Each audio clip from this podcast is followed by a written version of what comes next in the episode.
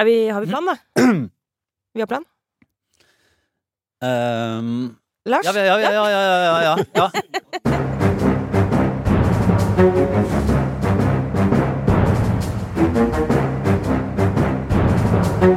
men det er jo helt strålende! Da er vi i gang med denne ukens Aftenpodden. Eh, vi sitter her, det er torsdag morgen. Eh, forberedt og klare. Alltid. Eh, god dag, god dag, Sara Sørheim. Hei! Fikk jeg komme først nå? Ja. Yes fordi Trine er altså Altså, hun reiser årlig på et eller annet slags uh, en tur til Alpene. Ja, og den er hellig. Den, selv ikke podden får komme foran den turen der. Nei, vi har av og til ymta frampå sånn Det fins jo andre som avbryter ferien sin innimellom for å ha en podkast. uh, taushet. Ja. Der er det ikke Så hun er forhåpentligvis snart på vei ned en eller annen bakke, uh, eller på vei på en eller annen afterski, men det får vi høre om eh, neste uke, kanskje. Eh, men du er på plass, sitter Asheim? her? Ja, jeg er på plass. Ikke på afterski. Ingen Aperol Spritz i nærheten av meg. Nei, ikke sant? Kommet, Men det er det vel aldri? Altså, Det er du det aldri. drikker ikke Aperol Spritz. Nei. Nei, det har vært brudd med karakteren. Er det Ja, for den, det er nå i trendpanelet? Nei, nå tror jeg Nå har jeg følelse av at uh, Aperol Spritz har bikka fra å være sånn trenddrikk til å være harry. Men jeg har jo ikke fingeren helt på pulsen lenger, men det er min absolutte følelse nå før vi går inn i liksom utepilssesongen. Ikke sitt på Løkka og drikk sprits, eh, Lars. Nei, i hvert fall ikke flere etter hverandre. Nei. Det har vel alltid vært litt harry, kanskje. Jeg tar imot, hvis noen, har, eh, hvis noen vet dette, så vil jeg gjerne ha en liten tilbakemelding, for jeg liker jo egentlig Aperol Spritz. Jeg bare prøver å ikke Nå prøver jeg å drikke noe annet isteden. Nei, eh, vi skal ta for oss eh, Vi skal ha litt energikommisjon, og vi skal ha litt eh, Arbeiderpartiets krisehjørne, og vi skal ha en liten oppdatering med stor multenytt. Ja. Men, men det får vi komme tilbake til, for vi starter jo med, jeg vil si, uh, ukas absolutte gladsak. ok, gi meg bare 15 sekunder uten politikk. Uh, altså, vi husker alle Marie Kondo. Ja. Does this bring me joy? Denne nyheten brings me joy. Marie Kondo har nå gått ut. Hun var den der ryddedama, ikke sant? Ja, ryddedam, Japansk ryddedame, var det det? Eller amerikansk? Eller hva er hun Ja, eh, Og japansk, Japansk. Ja, hun skrev en bok om rydding. Eh, jeg en gang, da vil jeg si da var jeg langt nede. Eh, Dårlig fase i livet. Kjøpte jeg den boka på en flyplass. Leste hele den boka. Den er ikke så lang. Men likevel jo sjukt er ikke det å lese en bok om rydding? Altså Når jeg ser tilbake på det, tenker jeg sånn dette var et eh, kvinne i krise. Men i hvert fall leste boka på flyet, kom hjem, og jeg rydda faktisk én skuff. Eh, etter Marie Kondo sitt ryddeprinsipp. Jeg kom ikke lenger enn en skuff, da. Men jeg rydda en skuff. Du kom hjem med den nye boka, og så fant du ut at jeg har ikke plass i bokhyllene. Men ja, uansett, poenget var sånn du skulle løfte opp en ting, og så sier du eh, 'gir dette meg glede'. Mm. Hvis ikke det gir deg glede, så skal du Kast. kvitte deg med det. Ja. Men nå har hun fått Hun sa 'jeg har fått tre barn'. Jeg, nå, jeg, jeg orker ikke mer. jeg klarer ikke å etterleve de prinsippene. Som jeg bare syns er veldig fint. Da har hun fått eh, eh, det er en realitetsorientering som jeg setter veldig stor pris på, og som kanskje bare betyr at vi, hadde, vi andre har hatt litt rett. Ja, Vi bare takker, takker for, eh, for den saken, eh, og bare noterer oss nok en gang at eh, prinsipper er noe du har før du får barn. Ja, Og så kan det hende av og til at eh, man bare ikke eh, tenker seg om. Hva er det som gir glede? Jo, man gjør det som gir glede.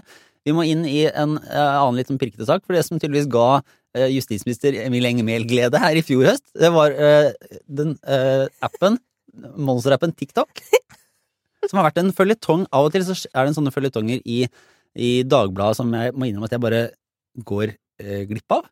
Eh, men, men de har drevet eh, fortjenstfullt eh, journalistikk på dette her. Ja, kritisk, gravende, grundig Gravende er kanskje å ta i, men det har vært som noen sånne lausbikkjer på mel eh, i høst for å få avklart dette TikTok De har TikTok-spørsmålet. bitt seg fast, det er Ja. riktig å si der, altså. Ja. Ja.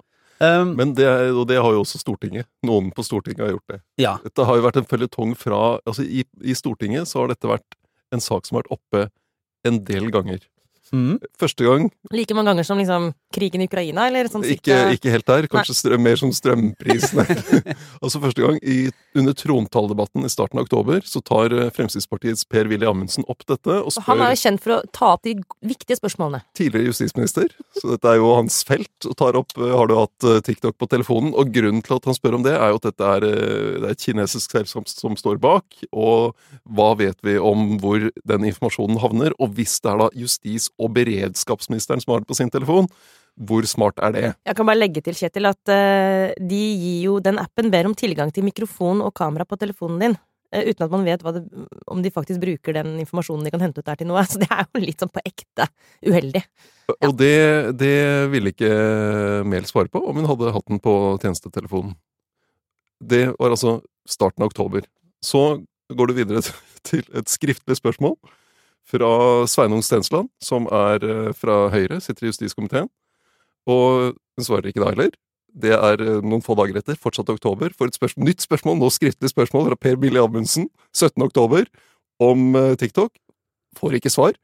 Og så et nytt skriftlig spørsmål fra Per Willy Amundsen. Da er det gått uh, ni dager.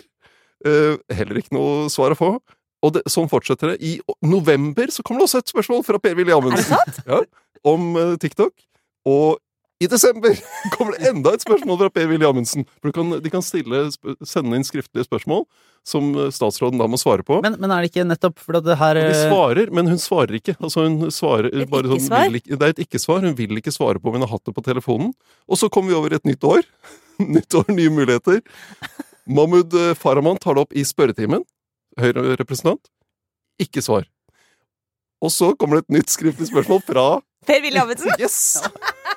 Han har jobba siste Han halvåret. har, han har jobba, altså. Det skal han ha. Og så kommer eh, også Venstres Ane Breivik, leder i Unge Venstre, som nå er inne som eh, vara. Hun stiller også spørsmål. Og så jeg skal bare lese kort her fra, fra et av de svarene hun har sendt. Um, Altså eh, Jeg mer? Ja. ja, mail, ja. Jeg viser til mine svar på spørsmålene nummer 7, nummer 65, nummer 152, nummer 433, nummer 728 og nummer 729. Og kommer heller ikke med et svar. Og nå er vi da sånn cirka for eh, en uke siden at hun ikke ville gi svar. Og så kommer da til slutt et nytt brev med spørsmål fra Per Willy Amundsen, og hun svarer Jeg hadde på tjenestetelefonen i en måned. Dette er sånn hashtag Emilie må svare. Det er det. Ja, men uh, da svarer hun. Da De holdt, hun har holdt på i fire måneder med dette. Og det jeg lurer på, altså Man har diskutert uh, spinndoktorene i regjeringen, at de ikke er gode nok. Hvor er Malcolm Tucker? Ja. Som vi har vært innom noen ganger. altså Figuren i den der britiske satireserien Thick of It. Som Elsker Som kommer inn på kontoret med skotsk raseri og skjeller ut folk. Og sier altså, 'du er like ubrukelig som en marsipandildo', og, og andre ting. Og altså sier 'nå rydder vi opp'. Altså, dette skulle de, dette skulle de tatt tak i i oktober! Men Da skulle det kommet Ja. noen fra SMK Noen til Emilie Enger Mehl og sagt 'dette rydder vi opp nå', bli ferdig med saken. Og så er det som kompliserer det, er jo SMK, det er Jonas Gahr Støre, statsminister, Arbeiderpartileder, og så er det et annet parti, Senterpartiet. Og dette er egentlig Trygve Slagsvold Vedums ansvar, finansminister og partileder. Det er hans statsråd. Og hans eh, spinndoktor, Lars Vangen, har jo heller ikke gjort jobben sin. Men- og når han ikke har gjort jobben sin, skulle det komme noen fra SMK og en Malcolm Tucker derfra og sette seg på Lars Vangen. Det, det, er, det er liksom så, Hvorfor lar de seg dra fire måneder gjennom den, den suppa, og så til slutt komme og si 'jeg hadde det på telefonen'? Men, men eh, to ting her, på en måte. Én, jeg vet ikke hvilken rekkefølge. Hvorfor, altså, hvorfor spør de så sinnssykt mange ganger? Ikke sant? Og to, hvorfor vil ikke Emilie Enger Mehl svare? For det er jo en dårlig sak for henne. Altså, Hun håper vel at det skal gå over, da, eller kan det være noen annen grunn? Altså, det er jo en eh, Jeg så at hun svarte i dag, i, når hun endelig liksom nå ga et intervju om dette, at um, det fantes ingen retningslinjer som konkret Det sto ikke noe sted flat out at du ikke skulle ha TikTok på mobilen. Men det at hun ikke ville svare på det, tyder jo på at hun har skjønt selv at det ikke var så innmari lurt. Hun prøvde Altså, det hun eh, I den første runden som jeg var innom, av de mange, den i trontaledebatten i oktober, så hadde hun en begrunnelse for eh, for at, eh, hvorfor hun mente det var, ville være feil av henne å gå inn i detaljer om hvordan hun bruker sine ulike digitale enheter. Og det er, som hun sa, fordi vi også kan være sikre på at det fremmed etterretningstjeneste følger med på debatter i Stortinget! Og i offentligheten. Så jeg vurderer det som uklokt å gjøre. Altså at Hvis hun fortalte hva hun hadde på telefonen sin, Ja. så satt det en eller annen kinesisk luring og fulgte med, og sa 'aha, hun har TikTok på telefonen'! Som om de ikke visste det fra Ja, før. ikke sant? Ja. Men nå er det greit, da. Men, men eh, fordi at det som jo helt eh, det, er, det er mye her å ta av. Men la oss si at det er sant, da. Det må vi jo for så vidt tro. At hun ikke hadde fått en eksplisitt beskjed om å ikke laste ned TikTok på denne jobbtelefonen sin. Eh, som justisminister. Vi kan jo bare minne om at liksom det med telefonbruk har jo eh, Det har jo liksom eh, ja. ja, og det eh, Hennes forgjenger, for eksempel, som tok med seg mobilen til Iran. Mm. Altså Per Sandberg. Sånne ting. Men sånn at det bør jo Det er veldig veldig rart ikke å ha en høy bevissthet rundt hvordan du bruker disse her eh, enhetene dine. Hun er beredskapsminister. Hun er beredskapsminister. Eh, hvis du ikke har fått med deg at TikTok er en liksom, dårlig app Altså, min datter på ni år Til og med hun vet at TikTok er, er lik slem app. Hun får ikke lov til å ha TikTok på telefonen. Alle barn Det er, ikke, det er også fordi at eh, de tingene, innholdet der er helt grenseløst forferdelig. Men Akkurat det får jo Emilie ta ansvar for selv, da. innholdet på det Ja, hva hun, altså, hva hun vil se der, liksom. Det, det får jeg regne med at hun tåler. Ja, men jeg bare fatter ikke altså, det er, jeg bare, det, altså, helt, helt reelt, jeg skjønner ikke at hun kan skylde på at det ikke sto et sted hun ikke skulle laste ned TikTok. Forst, jeg, skjønner, jeg, jeg skjønner ikke hvorfor hun ikke forsto det selv. Det er, helt, det er for meg en helt uforståelig Nesten som på grensen til sånn karakterbrist. Eller er jeg for streng nå? Ja, men, altså, er det, okay, men er det så farlig, da? jeg ville aldri lasta ned TikTok på min telefon. Aldri siden jeg liksom Altså, jobber i pressen. Og, og nå er ikke jeg eh, operativ redaktør og journalist eh, for tiden, men jeg ville uansett ikke hatt en sånn app på telefonen min som i teorien kunne overvåke all annen kommunikasjon på den telefonen. Altså, dette er for meg det, Jeg skjønner ikke. Altså, hun har jo ganske mange folk rundt seg hun kan spørre. Hun Ja. jobber i Justis- og beredskapsdepartementet. Men det hun har eh, sagt om bruken av TikTok, da, er at hun mener det, og som hun sikkert har et poeng i, at det er en kommunikasjonskanal der hun kan treffe folk, altså et annet publikum, de som hun ikke når gjennom eh, altså Dagsnytt 18 eller eh, Aftenposten eller noe sånt. Det har vært Kinesere, for eksempel. ja. ja, så nå har hun jo TikTok da på en sånn annen telefon, som der hun ikke har hemmeligheter. Så Ja. det, det, er jo motiv, det er jo motivet hennes, at hun skal nå ut til eh, yngre folk som, som bruker TikTok. Men så, er- det- ja. men det er noe med Ja. Dette For det første, altså hun burde spurt noen før hun eh, Og for det andre, hun burde rydda opp i dette i oktober. Nei, men da er det godt de har andre ting å bry seg med også. Eh, Den store eh, kom, kommisjonssesongen er jo i gang. Og utvalgssesongen er det. Det er bare, bare å glede seg. Det er bare kjempegøy, Men, eh, men denne uka så har det jo En nok slags tre på rad. ikke sant? Vi fikk, I desember fikk vi Skatteutvalget. Ja, Denne uka, altså i dag, litt senere i dag, så kommer Helsepersonellkommisjonen, og den gleder jo Trine seg veldig Ja. til, så vi kommer sikkert til å snakke om det neste uke. Og i går kom Energikommisjonen. Ikke sant. Og øh, sånn kort på det, det Altså, vi har jo snakket om mandat her øh, sist. Hva, hva er det som har vært Energikommisjonens øh, oppdrag, egentlig? Jeg bare elsker at du alltid sier sånn, bare sånn kort. Ja, Ja, lykke til med det. Oppdraget, oppdraget var ikke å si hvordan skal vi finne ut, den, eh, ut av den akutte strømpriskrisen vi står i nå. Det var ikke oppdraget. Eh, Det var heller ikke å sånn evaluere strømstøtteordningen eller sånne ting. Oppdraget er å se hva trengs frem mot 2030 og 2050 for å sikre eh, et funger velfungerende energisystem med tilgang på strøm til priser som ikke er sinnssyke. Ok, og hvis vi bare for, for lyttere som kanskje ikke er sånn umiddelbart eh, tenner på sånn energikommisjonsplass, eh, den andre kortoppsummeringen, hvorfor bryr vi oss? Fordi det er eh, Vi har jo sett Jeg vil si vi har sett det siste året at eh, det betyr ganske mye for folk hva, hva strømmen koster, og hvor, det viser hvor avhengig eh, vi er av den. Det har jo, altså I fjor sommer så var det jo, kom det jo et lite varsel om at kan, vi kan komme i en situasjon med knapphet. altså Rett og slett at du ikke har nok strøm i systemet. Konsekvensen av det er at da, da skrur vi av strømmen. På helst litt sånn organisert vis. da, sånn, Nå er det en time uten strøm på Frogner. Eh, nå er det en time uten strøm eh, i Bærum. altså sånn, men, men vi vil jo ikke være der. Og så har du hele den der grønne omstillingen, klimaomstillingen. eh, hva som eh, du har, eh, det, er, det er masse som trenger strøm i årene fremover, så hvordan håndterer vi det? Og så går det jo, eh, hvis jeg har forstått det riktig, så går det jo inn i en del sånne interessante politiske skillelinjer, da. For det er jo spørsmål om på en måte påkobling til Europa. Det er spørsmål om, eh, om vindkraft måte både til, eh, til lands og til, eh, til vanns.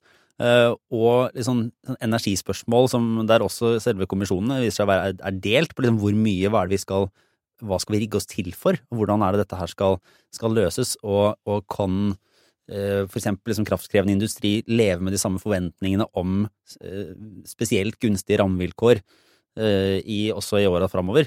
Så det er jo ting som, som splitter egentlig både høyresida og venstresida, er det ikke? Ja, men så er det, veldig, altså det som er veldig tydelig fra kommisjonen, er at eh, skal man, eh, skal man ha relativt eh, lave priser, så må det bygges mer kraft. Er, og du må spare. Du må både bygge mer kraft, kraft og må bruke kraften mer effektivt. Det er liksom, og så har de er, de, det litt uenighet på hvor ambis, skal det være et veldig ambisiøst mål, eller skal man er det, er det sånn at det kan skje ting i Europa som gjør, med, med stor utbygging av fornybar, som gjør at kanskje ikke vi trenger å bygge ut så mye her? Uh, og så er det litt uli... Det, er- det er mange småting de er uenige om, men de er enige om vi trenger mer kraft, og det må bygges ut fortere. Og så er de også enige om at Norge skal ikke ha en alenegang. De legger vekt på det at når vi gjør endringer, så må vi gjøre det i samarbeid med andre land, og at det er i Norges interesse å gjøre det. Man definerer hva som er norske interesser, og så samarbeide med andre land i Europa, Storbritannia, EU-landene, for, eh, for, å få dette her til å henge sammen, ikke drive noe sånn sololøp og prøve å isolere seg.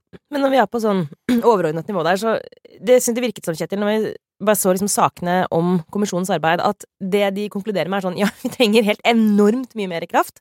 Eh, både for å slett, ha nok strøm, men også for å nå disse klimamålene innen 2030, som jo er veldig ambisiøse.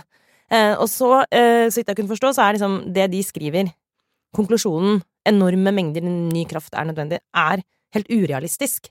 Altså, bare, eller, eller, kan du si noe liksom, For inntrykket mitt var at det, dette er en kommisjon som har liksom, tegnet et bilde som er helt, som er et, et riktig bilde, men veien dit er 100 umulig. Uh, og hva er da poenget med den kommisjonen? Og så skal ikke de liksom jobbe frem noe som er mulig for politikerne å faktisk liksom bruke i virkeligheten. Det virket bare så vanvittig umulig. Jeg kjente i hvert fall sjøl at jeg leste liksom Å vi skal liksom doble kraft altså Vi skal liksom bygge, vi skal bygge ut så vi får så, sånn enorme nye mengder kraft. Og da tenker jeg sånn, ja, men dette kommer ikke til å skje. Og så bare ok, men da er det jo poengløst å prøve. Mm. Det, er, det, er, det, er jo, det, meste av det er jo konfliktfylt. Altså, solenergi er jo ikke så konfliktfylt. Det vil de også ha mye av, med sånn solcellepaneler og solceller i bygningsvegger For du må basically egentlig ha, bygge solcelletak på alle norske hus, liksom, for å komme dit? I hvert fall mye mer. Altså, det er mye å hente der. Og så prøver de jo å finne altså, noen, komme med innspill til løsninger på konflikter rundt uh, vindkraft, sånn som det å bygge langs store veier, ikke, og også hvordan kommunene bør få mer igjen for når de sier ja til vindkraftprosjekter hos seg. Uh, og så er det pågår det et arbeid med å gjøre endringer i plan- og bygningsloven som gir kommunene en annen eh, rolle. Eh, sånn at det er jo flere ting her. Men det jo, vi så jo hvor konfliktfylt det, var. Det ble jo mm. sånn at Motvindaksjonen og sånn fikk jo stoppet all, eh, all konsesjonsbehandling for ny vindkraft. Sånn at det er, det er mye vanskelig. Men det er, sånn, men det er, det er jo litt sånn du, du får, da, får du jo, da får du alternativene på bordet. da. Hvis de, sier, hvis de sier at nei, dette kan vi ikke gjøre, eller vi kan bare gjøre halvparten av det, så må du ta noen valg. Skal du da si at vi dropper klimamålene? Eller skal du si at uh, vi, da kan vi ikke bygge ut uh, som mange batterifabrikker og ny industri og sånn? Det er ikke rom for det. Vi skal ha liksom litt mindre industri, eller hva, Da må du være ærlig på det, da. Det er veldig kort tid til 2030. Det er veldig kort tid til 2030. Når, hvilken så... regjering er det som skal si det som nå begynner å bli helt åpenbart, at liksom, vi hadde for ambisiøse klimamål? Altså det nederlaget der, hvem skal ta det nederlaget? Liksom, det må jo bli i løpet av neste regjeringsperiode. Men så er det jo litt sånn med den type utredninger og kommisjoner og sånn, at du får ting De kan gå litt heve seg litt over den der daglige krangelen, og så legge noen forslag på bordet som er kontroversielle, sånn som Skattekommisjonen uh, også gjorde. Uh, skatteutvalget. Uh, og så ser du bare et eksempel, da. Det var jo et utvalg i 2019 som foreslo grunnrenteskatt på oppdrettsnæringen. Det ble jo, Da sa jo flertallet av partiene nei før utvalget hadde rukket å legge frem rapporten. Motiverende. Nå, nå innføres det. Mm. Fordi trenger, vi trenger penga. Ja. Så det, det, det, som kan se litt sånn uh, umulig og vanskelig ut uh, i utgangspunktet, kan jo et, den type utvalg legge grunnlag for senere. Jeg går videre til et lite Arbeiderpartiets krisehjørne. Uh, for der er det jo det er et par ting. Det er, altså det er en ny måling eh, som, eh, som, er gjort fra, fra Norstat for Aftenposten og NRK i dag, eh, som er eh, litt eh, ned igjen. Litt ned igjen, og litt, ikke så mye, men ørlite ned på en annen måling også i dag. Men eh, fra Hvem er det fra igjen? Fra ABC Nyheter og, og Alltinget. Så de, de, går litt, og Senterpartiet går også litt ned. Hvilket nivå snakker vi? Hvor er det de er på vår måling nå, eller Aftenpostens måling? Er de liksom De er på på 17,5. Ja, ikke sant? Det er jo ikke et godt sted. Da, vi fortsatt, snakker vi fortsatt krisehjørnet for Arbeiderpartiet. Ja, hvis, ja, ikke sant? Og hvis man kobler seg på strømbiten og, og fram mot landsmøtet, så kan jo glede seg over at uh, deres uh, stadig voksende uh, og livlige lokallag Nidaros, der Trond Giske leder, hadde, et, hadde vel årsmøte denne uka, og også slo fast to ting. At de inn mot landsmøtet kommer til å kjempe for at Eh, de ikke skal måte, miste makt, altså for at de skal få, få, representasjon ut fra antallet medlemmer, sånn som i dag, i at det ikke skal vannes ut, som det har vært en diskusjon om i partiet. Så der kommer det til å bli en liten fight, eh, det er lova. Eh, og at de kommer til å ha De har i dag sånne ulike sånne strømkrav, egentlig, for at det skal gjøres grep, selv om det kanskje ikke var sånn superkonkret. Det, det vedtaket der heller. Nei, og det, og det, det landsmøtet er jo i mai, helt i begynnelsen av mai. Eh, Men Senterpartiet har det jo enda mer travelt. For de har landsmøte i midten av mars. Eh, Og de ligger her på 5,4% som jo er eh, Ja, det er, ikke, det er ikke så gøy lenger å være Senterpartiet. Det var jo et visst håp, da, om at eh, nå Altså litt endret retorikk, særlig fra Arbeiderpartiet sin side. Litt mer næringsvennlige uttalelser. Eh, Vestre og Støre i liksom Vi heier på absolutt alle, også de rike, på Facebook. Um, kan, det kan hende at jeg har hjulpet. Det var litt opptur. Eh, Etter strategikonferansen så var det mange rundt i regjeringsapparatet som var veldig sånn offensive, og nå er vi, vi, har, vi har vært på bunnen. Så det er liksom utrolig spennende nå, som denne målingen her, som da tar dem ned igjen etter en li, bitte liten opptur. Det er rart å kalle det opptur i det hele tatt, men i hvert fall litt lenger opp fra lavaen, liksom. Eh, hvis det nå var et blaff, og den oppturen fortsetter, så er det jo på on track, men hvis dette her er det hvis det kommer en ny måling nå som er på omtrent like lavt nivå som denne, så tenker jeg sånn Det er altså så bratt oppoverbakke. Ja, de kom, de, de, I januar så gikk de på snittet øh, av målingene opp øh, på, Kom de seg over 19-tallet Ja. øh, for Arbeiderpartiet, og over 6 for Senterpartiet. Så, det, så vi, er, vi er jo tidlig i februar, da. Vi har bare fått to målinger, så det kommer vel åtte til, eller hva det er. Så det gjenstår å se åssen det, Bare- det egentlig blir. Ja, kan bare anbefale, Det var en sak som Vårt Land hadde denne uka her også, eh, om eh, Jeg tror ikke det gjaldt nødvendigvis veldig mange, altså, men om, om folk som meldte seg inn i Nidaros uh, uten å skjønne at de meldte seg inn i Arbeiderpartiet. Det, var, det var, jeg bare si at eh, Takk for at du minnet meg om den. Det er nok min favorittsak uh, i uka som har gått. Og Så var bare sånn Hæ? Meldte jeg meg inn i Arbeiderpartiet? Jeg trodde jeg meldte meg inn i Trond Giske sitt parti. Så, Men dritskuffa når du fikk en sånn der, eh, tekstmelding eller videohilsen. ikke eller noe sånt. videohilsen. Alle nye medlemmer får en videohilsen av Jonas Gahr Støre. Så det hadde ikke falt i god jord hos dette medlemmet. De trodde sånn, de hadde meldt seg inn i liksom Fuck skjer nå? La resistans, Ja. ikke sant? Ja. var- Det var jo ikke Det er sånn, det er ikke lett, altså. Er, eh, men hvis de, ja, hvis de Men jeg, gleder meg som en unge, hvis det er lov å si. Man skal ikke danse på graven, altså. Men jeg, jeg, må være beintøff nå og jobbe i Arbeiderpartiet. På, på ekte. Det syns jeg faktisk Jeg synes litt synd på dem. Men på den annen side, altså det der landsmøtet der. Hvordan Trond Giske skal liksom Altså hvordan han, hvordan han skal legge opp strategien inn mot det møtet. Det er jo det er utrolig fascinerende. Og man kommer til å klare Og det verste av alt, at det kan han fint klare. Og den derre balansen mellom å være en destruktiv kraft på innsiden, men fremstå som en, en samlende figur på utsiden. Den øvelsen der, sant? Den er jo han en mester i. Ja. Vi, kan si, vi har vårt journalistiske privilegium til å kalle det journalistisk interessant. Det har vi. som er, eh, det, Det har vi. kan man på en måte til en viss grad eh, la seg fascinere av alle, alle mulige nedturer.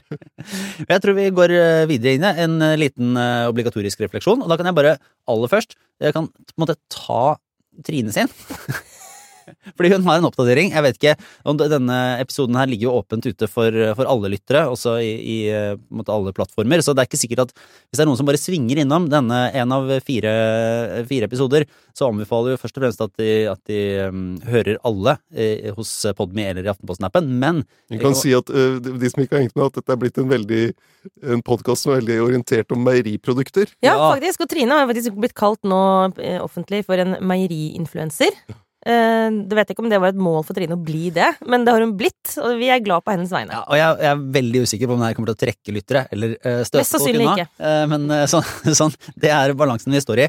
Nei, altså, kort fortalt så har jo Trine uh, lot seg ergre her for en stund siden veldig over at uh, multiyoghurten eh, til Tine var forsvunnet fra butikkhyllene. Uvisst når det skjedde, men det ble oppdaget borte på Nordbergen her en, en dag. Plutselig gikk det opp på Trine. Ja. Og hennes vrede det bør jo ikke påkalles, egentlig. Det Nei, kan- nei, altså, og, og nei. skuffelsen var helt eh, genuin og, og reell. Så Og det viste seg jo da at den hadde forsvunnet ut av produksjonen sånn, sånn i oktober eller noe sånt. Ja, og, og alltid. Tine hadde bare fått sånn 30 klager. ja. Men, Men så kom Trine. Men så kom Trine, og dette er kanskje nå uh, største gjennomslaget denne podkasten har hatt. Ja, faktisk. Hvis vi har noen andre seire, så får vi, får vi heller la oss eh, opplyse om det. Men eh, det har jo vært en, et passiar fram og tilbake eh, mellom eh, Trine Eilertsen og, og Tine. eh, også toppene i Tine. Så nå kan vi faktisk si at nå vil de starte en form for produksjon av multeyoghurten igjen. Eh, den eh, kommer tilbake i hvert fall noen butikkhyller, etter det jeg har forstått, som en slags Test. test. Ja. Ja. Så, så de som da er med i denne multimenigheten da, til Trine Eilertsen, eh, så får kjenne deres besøkelsestid, eh, finne det i butikken og handle det hvis dere vil ha det videre. Ja. Så får vi egentlig bare Av og til Vi ser jo her at Tine Vi blir brukt her. Vi blir brukt her. Vi blir absolutt brukt her. Ja. Men av og til så, eh, så kan det også være en glede. Så det er ikke Vi kan kanskje understreke også at dette er ikke reklame. Nei. Rett og slett. Det, men det kan jo ligge farlig nært, sånn rent retorisk. Hva er det man, hva er det man sier? Sånne andre multiyoghurter er kanskje også tilgjengelig, det vet jeg ikke. Det Det vet jeg ikke. Men Nei. vi mener at multiyoghurt er det vi er opptatt av, ikke hvem som har lagd det. Så vi legger oss ikke opp i hvem, hvilken multiyoghurt du kjøper. Men vi er tilhengere. Nå sier vi vi, da, for at Trine er jo sjefen, så vi får bare, nå får vi bare være en del av det store, vi. tror det kommer en oppdatering fra Trine i løpet av dagen på Facebook-siden vår. Ja, Ja. ja. Så Men nok om det, vil jeg kanskje sagt. Ja. En liten bro, er det ikke, er det, ikke det? Eh, Da kan eh, en bro til deg, Sara. Ja, men det er jo en bro, siden vi snakka om Trine, eh, som glimrer med sitt fravær, så kan jeg snakke litt om Bergen. Mm. Eh, altså, i, i mitt gamle liv, for de som har hørt podkasten lenge, så var jeg kulturredaktør i Aftenposten. Eh, det var jeg glad for å være, men jeg var på en måte litt glad for å ikke være det òg. Eh, noen ganger ble jeg i hvert fall det, når jeg kommer borti sånne kulturdebatter. Som jeg skal snakke om nå. uh, som bare liksom Jeg blir nesten sånn posttraumatisk stressa. Altså, det bare trigger sånn Man blir, heter det, man blir retraumatisert av sånne debatter som er i Retraumatisert av kulturdebatt. Det er, det er sterkt, altså. Ja, men det verste av alt at det er litt tøysete sagt, men nesten litt på alvor òg. For dette, det er noe med den måten, altså i den bobla jeg snakker om nå Nå snakker jeg om sånn Ikke engang bare det brede kulturlivet, nå snakker jeg om sånn eh, smale liksom, kunstner- og forfattermiljøer, i, i dette tilfellet Bergen. Men det gjelder liksom Det er sånne bobler du finner rundt omkring overalt, som er sånn nesten sånn hatsk, eh, nedlatende, sånn ordentlig kjip persondebatt eh, som foregår da. Nå er det jo stort sett på sosiale medier, da. Men som er, sånn, som er så vanskelig å stå i, og så, så, så, hvor folk er så stygge mot hverandre. Eh, hvor man på en måte tillater seg å være sånn i kulturen eller kunstens tjeneste. Nettopp, ja. Men er dette, det som- er dette nå et konkret eh, utspring? Ja, jeg skal faktisk lese et sitat. Altså, dette her handler om Dette er Bergen. Det er Bergen dette er aller verst. Altså, I Bergen er det en sånn eh, giftig kultur noen ganger i det offentlige ordskiftet som er faktisk nesten litt sånn Jeg tenker sånn, Hva er det dere holder på med? Men eh, dette her, konkret denne saken jeg skal snakke om nå, handler om at Litteraturhuset i Bergen ble ti år eh, denne uken. De hadde en svær debatt om det. en Diskusjon. Hva Altså, skal vi være? Ja, ja. Alt kan debatteres i Bergen. Eh, det som også er helt utrolig der, er at Litteraturhuset i Bergen, som jo da har dødsmasse arrangementer med både bred og smal litteratur, den er, det er jo mislikt av en god del av de toneangivende forfatterne i Bergen. Ja. Det er det som er så sjukt. ikke sant? For det er sånn, nei, men Litteraturhuset, for det er for åpent. Det er for lite liksom, krevende eh, litteratur som presenteres der. altså det, er, det er vanlig folks tur. Det er rett og slett vanlig folks tur, og det er det verste de vet. Så Thomas Espedal, og nå kan jeg jo legge til, da. Nå er det en liten rant coming, kjenner jeg, men eh, disse forfatterne som klager over at det er for lite smal litteratur, at det er for mange vanlige folk som liksom blander seg inn i deres liksom finkulturelle boble, det er de samme menneskene som er 100 finansiert av fellesskapet. Mm.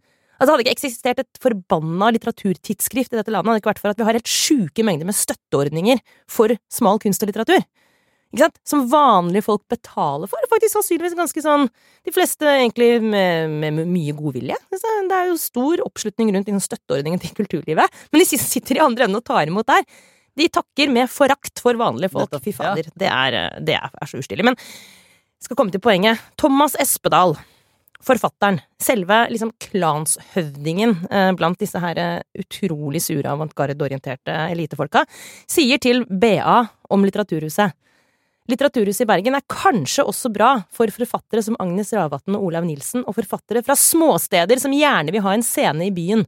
Men Bergen er, tross alt, en by med universitet og høyskoler og en del over middels intelligente folk, som også fortjener sitt sted. Et bysted for krevende litteratur. Hæ? Men er ikke det utrolig ufint sagt for, eh, for Nilsen og Ravatn? Som, som er hvem, altså, Som er to utrolig gode eh, forfattere Ja. med et publikum. Hardt arbeidende også er de, dessuten.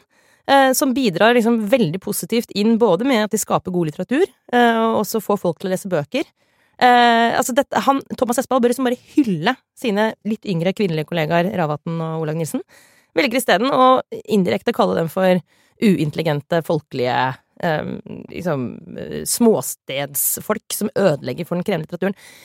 Jeg kjenner bare at jeg blir altså så utrolig lei av den måten å snakke om folk på, og tenker sånn at Bergen de må nå få drept Jeg tror dette skyldes gjenferdet etter Georg Johannessen og andre sånne intellektuelle bergensmenn som i mange, mange år fikk lov til å gå rundt i byens kulturliv og, og intellektuelle sfærer og fikk lov til å være liksom, unnskyld uttrykket, fikk lov til å være rasshøl. eh, Fordi de liksom var så utrolig intelligente, interessante, viktige mennesker. Og at du satte sånn likhetstegn mellom liksom, intelli- intelligent eller intellektuell er lik rasshøl. Så det kan jeg bare gå rundt og være. Ja. Det er akkurat som de har satt det på sånn pidestall, som at du er ikke ordentlig liksom der oppe i eliten før du bare behandler deg som eh, behandler folk rundt deg på en ordentlig, ordentlig dårlig måte. Men eh, bare for å Jeg Har Espedal på en måte vært sånn Han har, han vært, han har ikke kommet ut i etterkant og sånn Oi, det var det, det formulerte jeg meg utrolig klønete. Dette var, øh, dette var eh, dumt sagt av kommer ikke fra sånne innrømmelser. kommer ikke Nei, nei, nei. bare- det Nei, altså Jeg skal ikke plage dere med mer detaljer. her Det har vært en sånn kjempestor diskusjon på Facebook-grupper og diverse tråder. Eh, men den har vært stygg. Og det er jo derfor jeg snakker om det her i poden også. For at den måten å debattere på tror jeg egentlig har gått litt ut på dato. Eh, men den, den liksom, det, det, det er på en måte Det lever fremdeles i sånne små, lukka rom.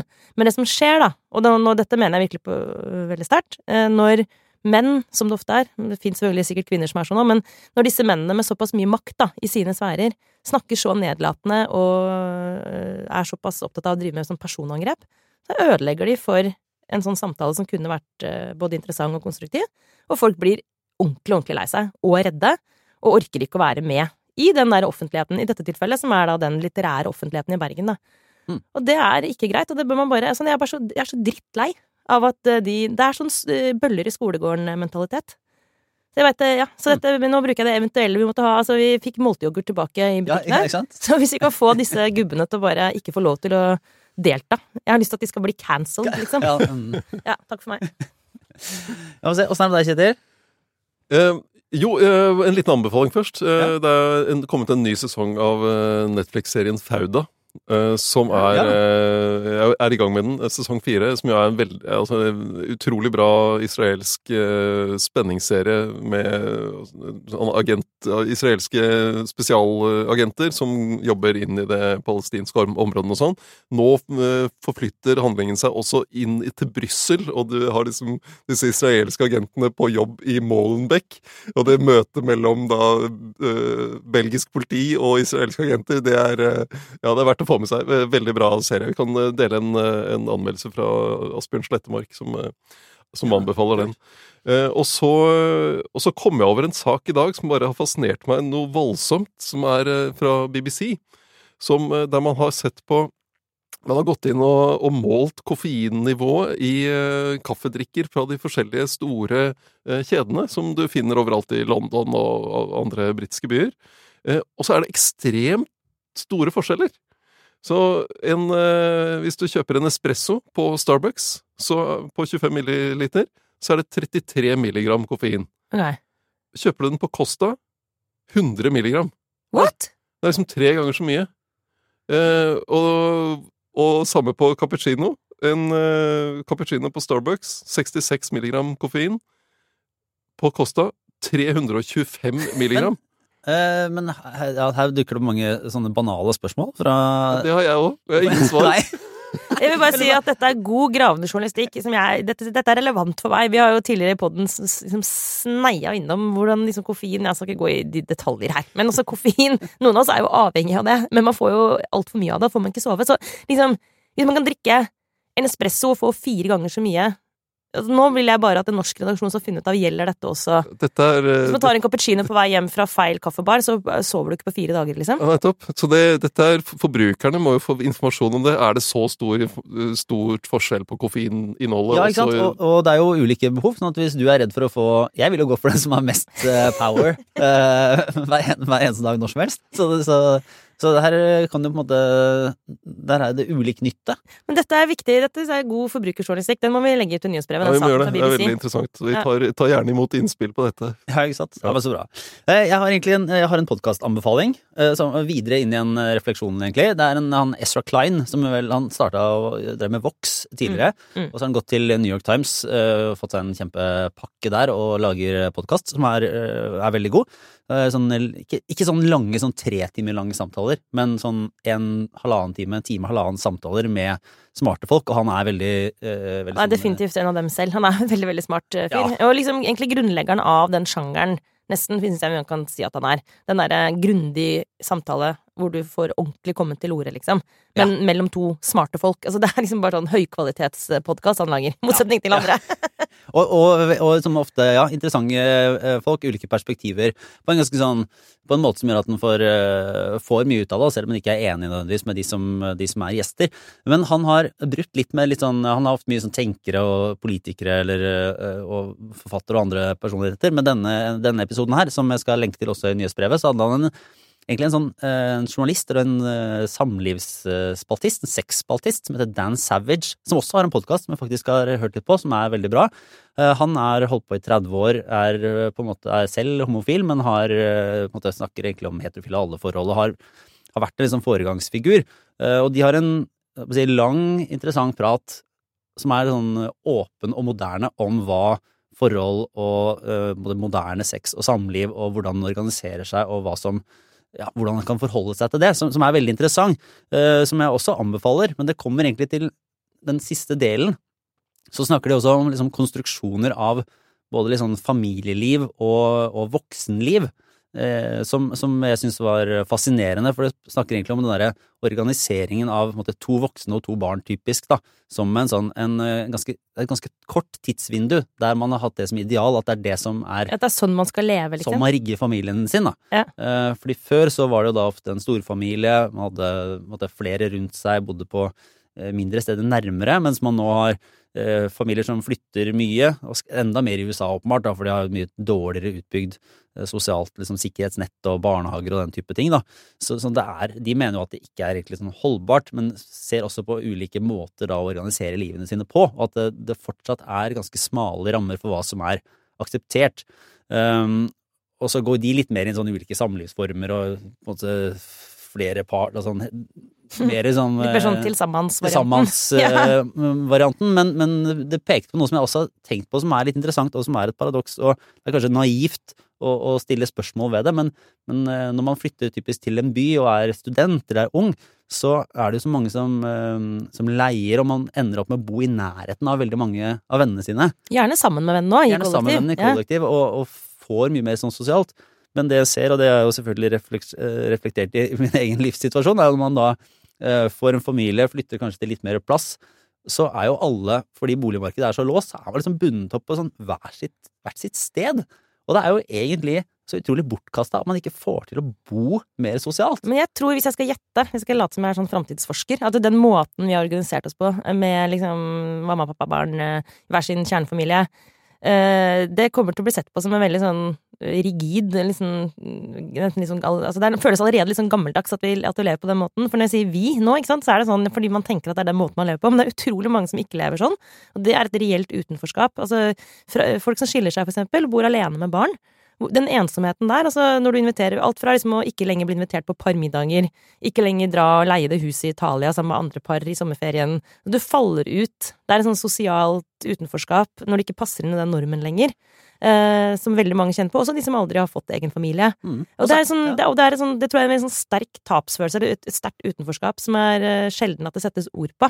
Og så sier man sånn 'vi lever sånn', og vi som sier det, er typisk vi som lever sånn. Eh, og det, veit ikke hvor stor prosent det er av Oslos befolkning per nå, men den andelen single, for eksempel, i byen, den øker jo.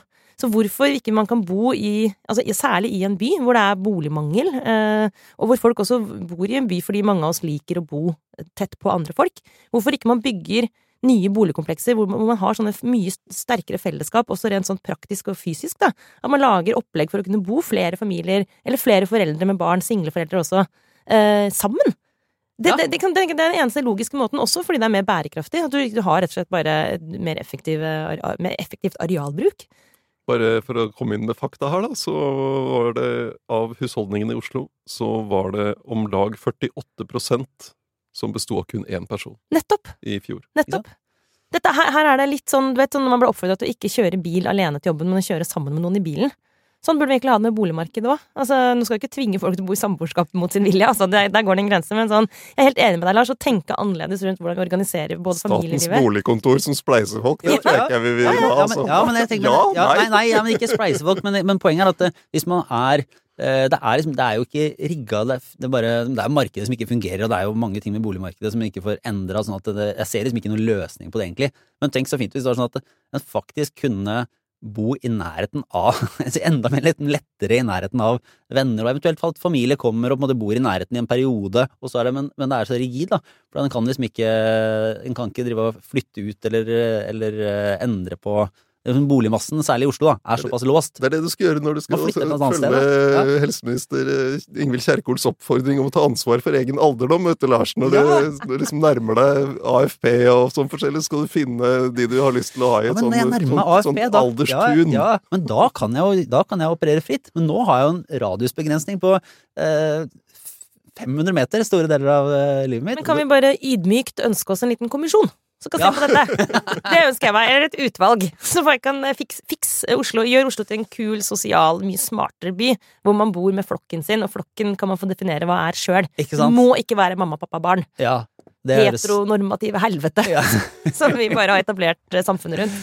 Så altså, det ville vært veldig kjekt, da. Hvis en først skal gå inn og Hvis en skal legge planer og se på ting som ikke er så lett gjennomførbart innen 2030, så kan man ta et lite et sveip innom det. Men uansett så er det en interessant samtale mellom Ezra Klein og Dan Savage, som jeg skal lenke til i nyhetsbrevet. Så, som, som det er gøy å høre på, og som gir eh, grunnlag for en del interessante samtaler. Så det kan være verdt det. Sånn, da tror jeg vi er ferdig for denne uka. Så neste uke så er vel eh, Trine antageligvis tilbake, så da får vi se om vi kan skjønne innom den um, helsepersonellkommisjonen. For å holde kommisjons... For et innsalg! Nå Ja. tenker jeg at nå, nå strømmer det på med nye abonnenter. Altså, ja, for den, den finner du da, den episoden finner du bare hos Podme og i Aftenposten-appen. Så uh, jeg sier Det det. blir gøy, den. Den blir gøy. Den blir bare krutt. Nei, uansett, eh, takk for denne uka. Vi er tilbake neste. Takk også til Ander Lindholm som har produsert oss. Ha det bra! Kan man si rasshøl på lufta to ganger, egentlig? Ja. man bare ta det bort, kan man det?